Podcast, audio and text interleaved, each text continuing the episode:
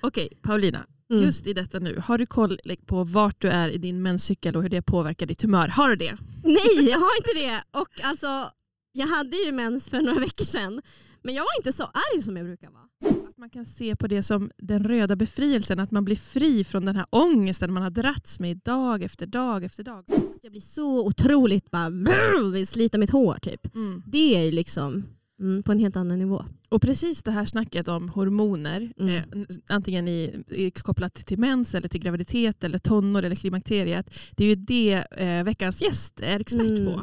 Ja exakt. Linda Berg som är etnolog och har ett forskningsprojekt just nu om kvinnliga hormoner. Eh, och det här forskar hon ju med andra då, en Anna-Sofia Lundgren till exempel, Maria Jönsson. De hade ju en föreläsning som vi tittade på. Ja, vi såg den digitalt och sen så kom Linda Berg till studion direkt. Mm. Eh, så nu ska vi snacka om hormoner.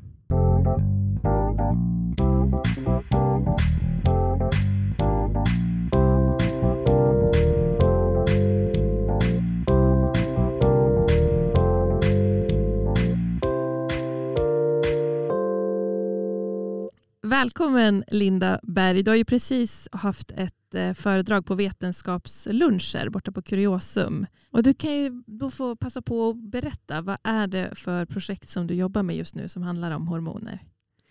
Ja, det är alltså ett projekt som handlar om eh, hur kvinnor berättar eh, om förändringar i sina liv.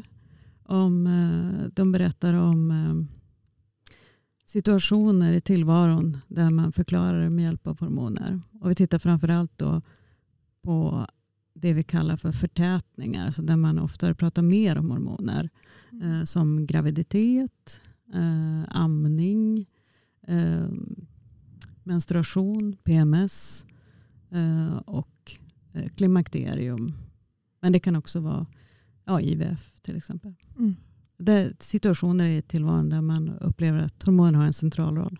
Mm. Så typ, Det. för att jag förstår, det kan vara liksom att man, att, eh, ja, men hur, att, att man pratar med sin partner eller sina vänner om så här, oh, gud jag har så mycket PMS nu, jag mår så dåligt. Alltså att, är det den typen av snack som det kan vara som, som ni Ja. studerar? Liksom? Ja, alltså vi frågar, vad, vi frågar helt enkelt. eh, Det, när det kommer till intervjuerna så handlar det om djupintervjuer. Så då pratar vi länge. Det, jag, det är i huvudsak jag som gör de här intervjuerna. Jag pratar Mm. länge med en och samma kvinna då, om, om eh, eh, hur hormoner har, liksom, när, man har kommit, när man har kommit på det, kommer på tal. Eh, och då kan det ju vara, till exempel som du säger, eh, i relation till en partner. Att bli, känna sig bli begriplig. Eh, eller en upplevelse av att ja, det är någonting som hände eh, i samband med efter förlossning. Och så förklarar man det med ja, men en berättelse om vad hormoner gör. Som man har på olika sätt då, fått till sig. Och det är vi också då intresserade av. Vad det är för typ av eh, information man får till sig. Som, som man lutar sig mot när man hittar sin förklaring. Om, gör sig själv begriplig på något sätt. Mm. Mm. Det var ju någonting som jag tog med mig från eh, er föreläsning nu som vi lyssnar på. Det här med ja, men diskursen. Att ni pratar mycket om diskursen och språket ja, men kring och de här berättelserna som vi både gör kanske inför oss själva som kvinnor och människor. Men också de som ja, men vi gör inför andra. Att det där, ja, men för vi, vi fångade väl upp den essensen att just det, ja, men det här kan ju både typ vara gynnande för en men det kan också ligga en i fatet. Typ, ja, men när man då har berättat att Åh, jag blir så arg eller jag blir på så dåligt humör att det ska då komma ett eh, motsvar som är typ jag har mens eller alltså att det blir ett sån, en sån jargong på något sätt. Som också kan vara en förklaring att, eh, att eh, ja, men just det, det här är mina hormoner, vad skönt, då vet jag det varför mitt humör svänger. Men det kan också vara någonting som man upplever förminskande. Det här var det vi snackade om, Mm, ja, att, så här, att eh, allting kanske inte måste ha hormoner. Eh, ha med hormonerna att göra. Eller Mm. liksom, Eh, man kan känna sig lite nedtryckt som kvinna typ för att det, det ska handla om hormoner eller mens eller så. Mm. Ja, det är något som kommer igen i alla intervjuer. Att kvinnor har upplevt det som att de kanske blivit väldigt förbannade i någon situation och um, så har någon kommenterat eller att det har uh, ja, att, att om, de inte har sagt, om det inte har sagts direkt har du mens så kan det vara är det PMS eller um, och, och att då känna att ja, men hur ska jag hantera det? Att någon säger så så blir man arg. Men också att inse så här, ja men just det, det var ju det. och, mm. uh, men vad betyder det då? Är det tillräckligt för att säga att berodde det bara på det? Mm. Berodde det på, bara på att uh, mm. uh, ja, jag hade PMS och därför så blev jag förbannad? Eller ja, det kanske förstärkte någonting men det är då som jag också sägs i de här intervjuerna att kvinnor upplever det som att um, ja, men som en, eh, en informant sa att jag blev väldigt arg och jag insåg att liksom, styrkan i den här ilskan kanske också kom av att eh, jag hade mens. Men det var snarare som att ett, eh, ja, men som att ett filter föll av. Mm. Och det var så att jag sa det jag annars kanske skulle ha censurerat. Mm. Så att jag hade haft liksom, det kändes nästan som att det blev en styrka bakom att, eh, att säga det här och att våga säga det på grund av att det fanns liksom en irritation i hela kroppen. Eh, så den personen menade ju då att eh, det kan också, att det kändes som bra att, att den där irritationen fick mm. plats. Ja, för det är också intressant om man, om man ser på det på ett positivt eller negativt sätt. Alltså så hur, hur man, om man pratar om hormoner i liksom positiv bemärkelse eller inte. Är det också något som ni har studerat, liksom just den skalan? Så här? Ja. Alltså om, om man pratar om det som någonting dåligt med sitt eget liv liksom, eller som en styrka. Ja, absolut. Och att äh, ja, som en person sa nu när, jag gick, när vi gick ut ur äh, Eh, för, gick från föreläsningen som sa att eh, det enda vi vet med säkerhet är ju att vi kommer gå igenom klimakteriet. Eh, och det, så är det ju med pubertet och för de menstruerade så är ju menstruation också en del. och då att betrakta det som någonting som man eh, som man tvingas liksom mm. acceptera mm. och en del till och med förhåller sig positivt mer till. Då. Mm. Uh, men, men, uh, men det är klart att det är många som är både förhålla sig negativt i bemärkelsen som jag talade om i föreläsningen. Att eh, de ser det som att det riskerar att bli ett sätt att reducera kvinnor. Men också väldigt många som är irriterade. Alltså att det, är, det skapar bekymmer som inte tas i beaktande. Alltså man tänker sig att eh, det inte finns tillräcklig hjälp. Ibland, eller? Mm, för det tyckte jag man, man slogs av och det var ingenting som ni uttryckte på något sätt. Men, eller jag kunde bara återblicka på alla gynbesök jag varit på. Jag har varit på kvinnocentrum eller vad det heter, mm. här på sjukhuset. Ja, mm. Och att man ofta har känt varför finns det inte mer eller bättre kunskap. Att att det, att det är ett glapp, ja, men kanske inom vården om man har gått till en hälsocentral där de inte har kunnat svara på vissa frågor. Eller, och man tänker ju att eh, ja, det här är ju eh, lika mycket en kropp som en, en manlig kropp eller en annan kropp. Alltså, så. Och att, ja, man känner av det som kvinna, i alla fall i vårdsystemet, att det finns vissa, vissa glapp. Ja. Mm. Men kan inte det också bero på att det finns en föreställning om att, eh, den här, att kvinnokroppen är så mystisk och liksom så himla, eh, det, det, bara sker, det är här uppe i det blå. Liksom, att, det, det är inte så, att man eh, har velat ha den bilden av kvinnokroppen som mystisk och oförstående. Ja, absolut. Och det ser vi och det finns det internationell forskning också som bekräftar att eh, den här idén om, om den hormonella kvinnokroppen som är liksom ett kaos. Och det är också någonting som de här självhjälpsgurusarna också eh, kan spela på. Att den, kvinnokroppen är liksom ett enda kaos. Uh, samtidigt som vi kan konstatera, det tror de flesta seriösa medicinska forskare som jag talar om i alla fall kan konstatera att kroppar är hormonella liksom på alla möjliga olika sätt. Mm. Uh, det är komplicerat. Uh, så men det är ju inget argument för att man inte ska få bra vård. Mm.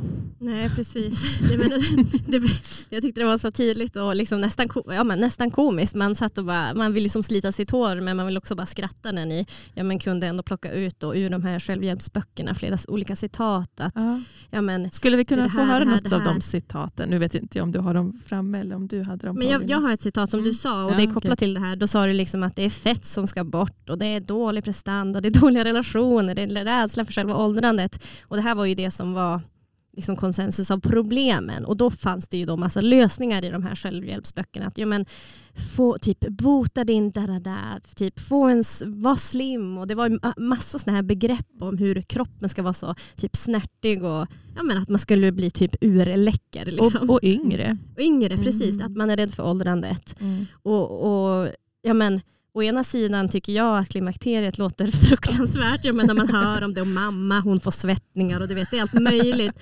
Och till att det då också ska vara det här uppe på det. Att man också ska vara perfekt inom alla andra parametrar. Det, det låter ju som en ganska omöjlig ja, men, bild. Och så här, hur ska man kunna uppnå det? Jo, att köpa de här böckerna så man kan läsa sig till det i alla fall. Det blir ju lite så som att de här böckerna då ska hjälpa en till att bli den där perfekta kvinnan. Är det ett uppsving nu av såna här självhjälpsböcker om hormoner? Ja, det kan vi se. Ja. Eh, och vi kan överhuvudtaget se att självhjälpsböcker ehm, ja, men det säljer mycket mer. Eh, och vi gjorde en, eh, nu kan jag inte siffrorna i huvudet, men vi gjorde även att vi tittade på tillbaka. t- jag gick igenom och tittade 10-20 år över tid. Liksom, så att, Eh, det finns mycket mer och det finns alltså på bibliotek och så i större utsträckning. Så det mm, har ju och det kan ju vara eh, någonting väldigt bra att folk har tillgång till att lära sig och som Maria uttryckte att man kan se det som att det finns ju något som är folkbildande och lära sig mer om sin kropp och man, eh, allt fler kan säga saker om hormoner och sådär. Eh, men eh, ja, som du sa, den här, när det också blir väldigt höga krav på det och också att det, det blir definierat som problem att vara eh, det som rimligtvis, allt sånt som rimligtvis kommer med att åldras. Mm. Eh, och det kan, fast det kan jag också tycka med, eh, apropå, jag tror att eh, det var du som tidigare skickade fråga till mig och frågade Mm. liksom, hur kom du på det här projektet? Mm, Mm. Mm. Eh, för att eh, jag eh, är mamma till ett biologiskt barn och två bonusbarn som alla är i tonåren. Och så började jag tänka på vad är det som händer med mina barn. Eh, och då florerade verkligen ett snack om att det här är hormon, det är liksom, att många pratade om att det är hormoner som gör att saker och ting händer med barnen. Eh, för de gick in i tonåren eh, med ett år emellan alla tre. Mm. Eh, Så, men så, så, så tänkte jag allt med, nej men det är ju inte det. Alltså det är klart att det också är hormoner men det är också väldigt mycket som är tufft i den här åldern eh, när man går i högstadiet och det är ganska högt tryck och du ska börja med att betygsättas och det är mycket som händer under en period i livet. Mm. Ehm, och att då ehm, prata om att man ska försöka hantera hormoner är också så här, blev lite, alltså det blev så svårt och att jag inte riktigt kunde, jag försökte att förstå vad, vad är det här och hur säger man per automatik liksom att det här handlar om det. Och vad gör det med en själv? Mm. Um, och sen så började fler och fler kollegor också prata om sig själva i. Mm. Som att det händer eh, kollegor och vänner och andra prata om hormoner. Och, eh, syskon som fick barn eh, pratade om hur hormoner som kommer in i samband med eh, graviditet och förlossning och så. Och att jag då såg det som att ja just det, det, det finns uppenbarliga problem. Det finns eh, en kvinnohälsa. Eh, en närstående till exempel som blev gravid och eh, rullstolsbunden på grund av de liksom, hormonella processer som gör Mm. att det, det är ja, som det kan bli i, när foglossningar blir så kraftiga så att man inte längre kan, kan röra sig ordentligt. Men fick inte, tycker jag, adekvat vård. Mm.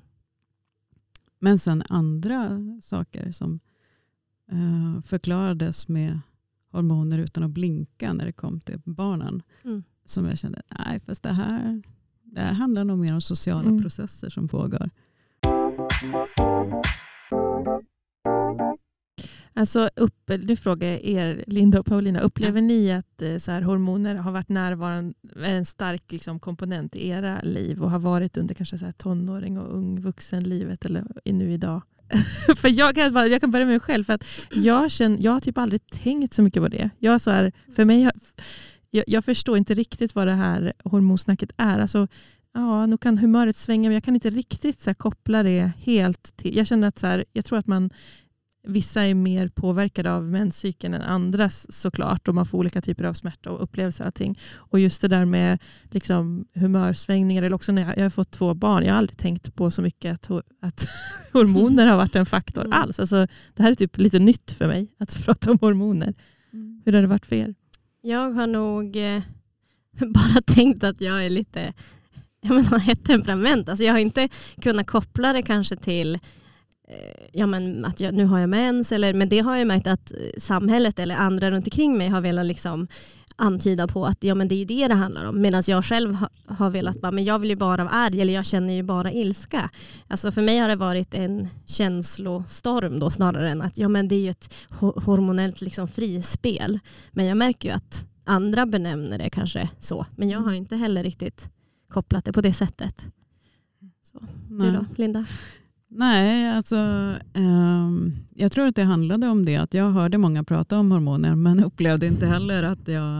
eh, och också, fast också på ett sätt som var att en del kunde nästan bli lite förorättade. Att så här, graviditeten, eh, att jag fick inga foglossningar, att man inte fick... Fast det handlar ju också om hela narrativet kring graviditet och, hur, och hur den, vad det är för någonting och hur man ska förhålla sig till det.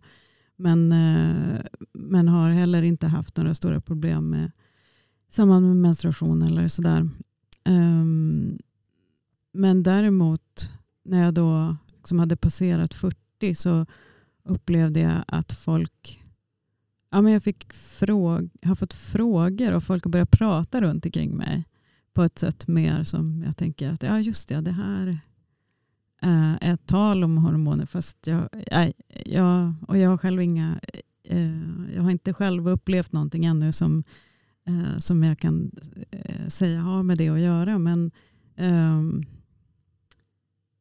men, jag, men jag är precis som alla, tänker jag, har blivit olika också projektionsyta och kan också bli ganska förbannad ibland. Eh, och eh, kan också ha känt den där liksom skämskänslan tror jag. Över att jag inser att, så här, eh, att jag har mens. Alltså att den kom så här, Mm. dagen Mm. eller kvällen senare. Och att det kunde vara sammanlänkat och fick någon... Ja, man kunde få en känsla av att så här, eh, är det jag eller är det kroppen? Och att man då gör en tudelning mellan sig själv på ett sätt som jag tänker att många kvinnor gör. Mm. Mm. Absolut, det tror jag är väldigt vanligt. Och Jag känner också igen det där med att man kanske då har tappat det eller blivit liksom lite väl arg. Briserat sådär eh, som en eld. Liksom. Och sen att då få liksom som ett brev på posten att ja nu kom mensen. Då är det inte som att man då vill krypa till korset och säga bara ja det var ju det. Förlåt. Förlåt mig för att jag är sådär. Det är bara en gång i månaden. Nej men alltså det vill man ju inte heller göra. Så det är som så svårt att man vill ju kanske å ena sidan skylla på det. Att ja, men det är bara Mm. min kropp och det är inte mitt fel. Men å andra sidan så vill man inte heller ge den man vill inte spinna på det här om att det ska vara då okej typ att säga "Ja, är det mens eller? Mm. Eh, Så det, Men då som du säger, att så här, var, varför ska man tudela sin, sig, sig själv från sin kropp? Alltså så här, vi är ju alltihopa mm, någonstans. Mm. Exakt. Jag eh, tänkte på en till grej som ni pratade om idag. Ja. Eh, och det är ju faktiskt det här med liksom kvinnans underordning liksom i samhället generellt. För att vi ja, men alltid har liksom levt i ett patriarkalt samhälle. Eh, för det som vi fångade upp, jag och du Tora, det var ju att det här med kunskap kan till slut nästan bli typ ett, en form av förtryck. Eh, Hur menar används, du med kunskap? Ja, men, att det används mot kvinnan. Att om man skulle då, ja, men som vi var inne på nu bara, att pratar vi om eh, hormoner kopplat till mående och kring kvinnor som blir ilskna eller så att vi kan då skylla på hormonerna vilket också gör att en kvinna kanske inte på samma sätt får vara arg tänker jag som en man för typ, ja men min kille till exempel, han kan ju vara arg och bara få vara arg medan jag inte kan vara arg för att då har jag ju bara något hormonellt ja, mm. som påverkar mig. Och att det fortsätter ju som sagt att underordna kvinnan. Mm. Eh, liksom, som det alltid har varit. Mm. Och det där är svårt. Mm. Men ja. hur ska man förhålla sig till det, tänker jag? När man lever som kvinna i dagens samhälle. Ja. ja. Jag tänker att det är väldigt bra att överhuvudtaget notera att det är någonting som sker. Att det finns eh, så mycket inom eh, historien som har visat gång på gång att kvinnor har reducerats till kroppar. Eh, många intressanta idéhistoriker, framförallt tycker jag Karin Johannesson eh, har varit jättebra i att reda ut den här förståelsen av hur kvinnor medikaliseras och förstår som både sjuka kroppar och det finns också väldigt intressant forskning om hur kvinnan har som över tid betraktas då som den här hormonella kroppen. Eh, och eh, jag tror att det ja, men att det kan göra mycket bara att förstå, eh, en, i, som du säger nu, att liksom, när man blir tillsagd eller om man känner de där skamkänslorna, att påminna sig om att ja, men jag är inte mindre rationell än du, mm. även om du definieras som ett annat kön. Eh, jag är minst lika klok och intellektuell eller vad det än må vara. Och uh, min kropp är egentligen inte mera kropp. Men Eh, man får vara, att, att vara vaken på att den blir det och att just uh, sånt som emotioner och men eh, precis som du säger, det är på så många områden. Om det handlar om att objektifieras och vara liksom, den där tonade kroppen som de också vädjade, vädjade mm. till i de här tipsen. Att uh, man ska det gäller ju för sig idag. Alltså skönhetsindustrin slår ju över alla kategorier.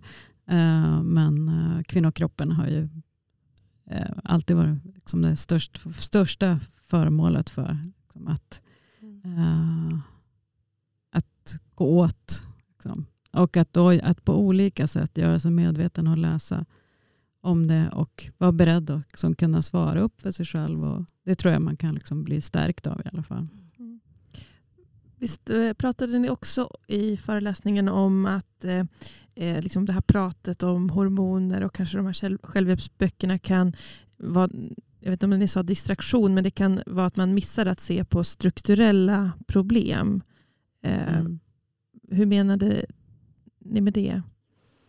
Ja, vi menade att eh, genom att eh, eh, en hel del av de här självhjälpsböckerna ger ju eh, en viss typ av verktygslåda som handlar om att eh, försöka korrigera hormon, hormonsystem. Alltså att, eh, det, och också kanske, jag ska inte säga att alla, jag tycker att eh, vissa av dem är riktigt bra.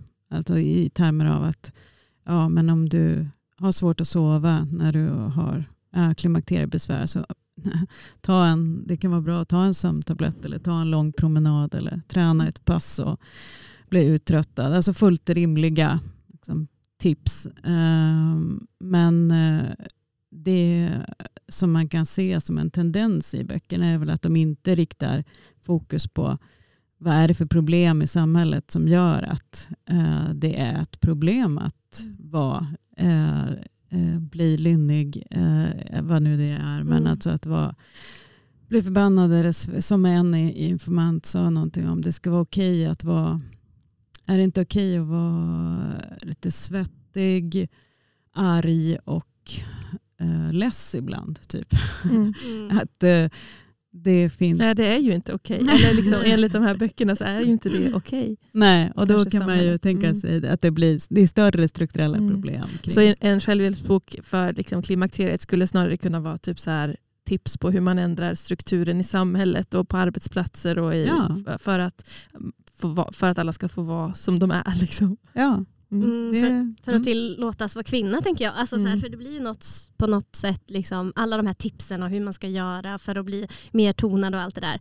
Det, är ju, det blir ju bara ett kvitto på att du är inte tillräckligt bra som du är. Eller så här, det är ju att du borde förändra dig för att bli en bättre eller snyggare eller finare eller eh, hur man nu värderar det, kvinna. Eh, och om det hade blivit en strukturell förändring i samhället och olika ja, men delar av samhället så kanske man hade kunnat liksom komma ifrån det där perfekta, ouppnåeliga eh, idealet och vara, att det blir mer tillåtande att vara kvinna på olika sätt. ja, Mm. exakt. Och att eh, ehm, överhuvudtaget tänker jag både kvinnor och män. Att, eh, Mm. att få vara bara lite mer mänsklig i olika situationer. Ehm, en, en kvinna som, som faktiskt som har en chefsposition som jag intervjuade som sa att hon, eh, hon försöker att också ta plats med att ja, men man kan bli varm eller det kan hända någonting som också har med ens kropp att göra i en chefs, alltså i ett möte. Och, och att eh, inte ursäkta sig för det utan mer bara så här, ja nu händer det här, jag blev varm. Eh, och, eh, eller jag får väldigt ont i magen så att jag måste ta en Alvedon och två och eh, sitta en stund, du får ta över ordet. Mm. Eh, och att Ja. det eh, Just det, som att det var som att det bara var det, för det är ju bara det. Eller liksom, man behöver inte så här, nu har jag klimakteriet, ursäkta. Eller liksom så här, det behöver inte vara, exakt. det är mycket så här skam och- som vi var inne på och smussel och smyg. Alltså, om man tänker att få mens är ju en jävla karusell av smygande Mm, hit ja, och dit oh, med ja. olika grejer. Helt i onödan. Och det, det ser man ju också en, en förändring på tonåringarna Mm. nu. Jag menar nu är det ju unga tjejer ute i media som driver igenom gratis mensskydd och allt möjligt. Så här. Och Mm. det är ett helt annat snack. Så jag tänker också att alla de här självhjälpsböckerna har kommit upp på tapeten och det snackas om hormoner kanske är en, en, en del av att eh, det blir mer och mer normaliserat och så kanske nästa steg blir att det blir mer och mer okej och så vidare. Eh, Mm. ja. Ja, verkligen. Jag tycker det är jättekul. Eh, min tonåring som är 14 eh, och eh, en menstruerande person tycker att liksom, vi borde flytta till Skottland. Därför att där finns det tydligen gratis Ja. eh, skydd. Alltså det är Ja. ett, ett internskämt mellan oss men det, det är också, eh, säger någonting om vad man kan prata om och Mm. när och sådär. Jag känner inte att när jag var 14 år att det hade kunnat förekomma att man snackade på det sättet som görs idag Mm. bland unga. Nej, precis. Nej, men det känns ju som att det är verkligen, eller jag kan så här backtracka jättelångt i mitt eget liv.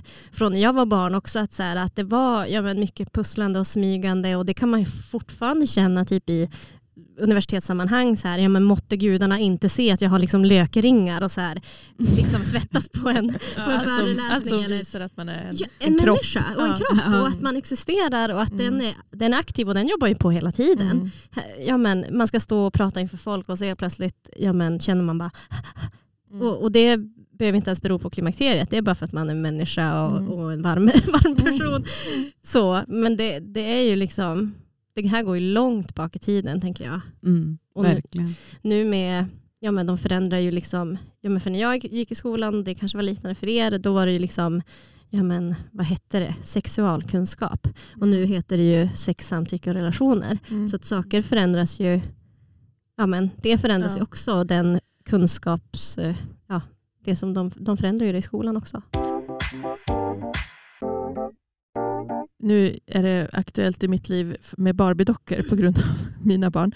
Men det är roligt att se, man kan, där, där inom den industrin då, med Barbie-dockor kan man se liksom hur, hur långt samhället någonstans, eller kommersiella samhället har kommit. Så här, I mångfald till exempel är det ju mycket, mycket bättre idag. Och det till och med finns någon rullstol. Alltså det börjar dyka upp Barbie-dockor med lite annorlunda kroppar än de här som fanns på 90-talet. Mm. Liksom.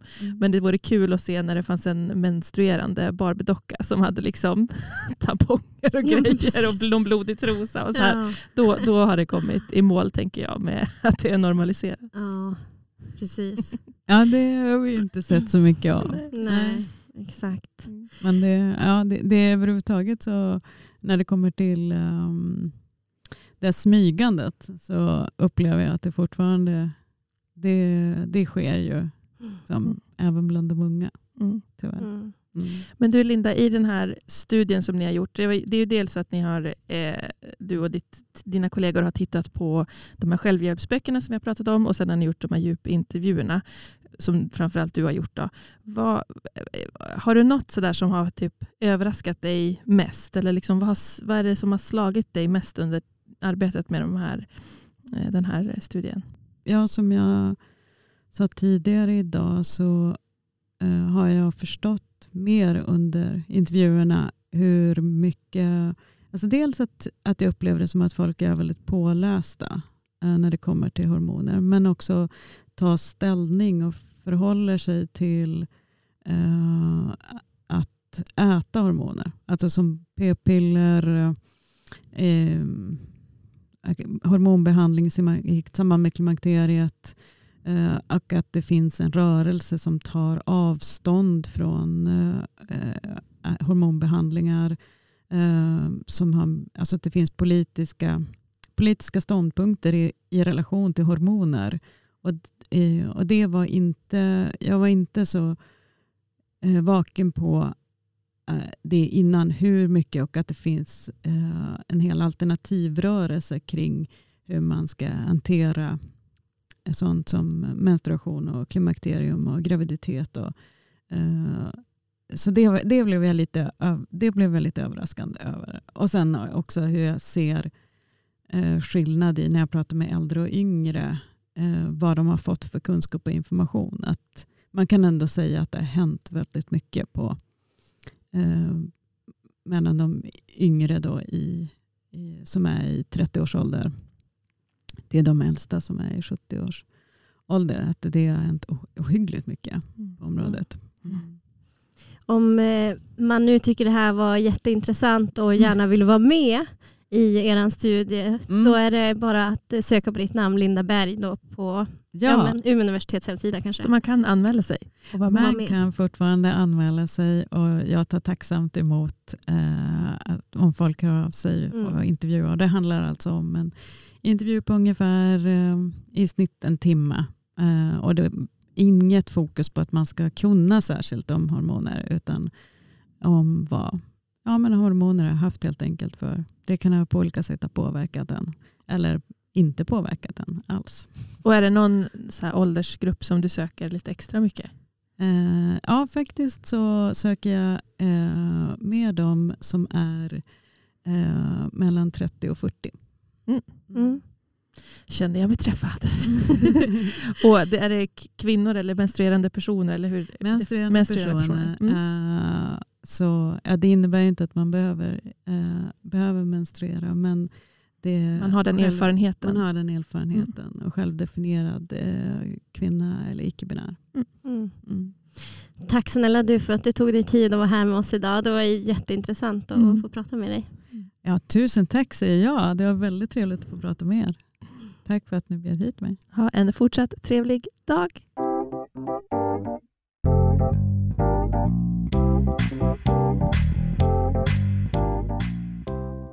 Åldersspannet i praktiken för de intervjuer som de gör är ju liksom, det har varit typ 30 till 60-åringar, kanske Mm. 70.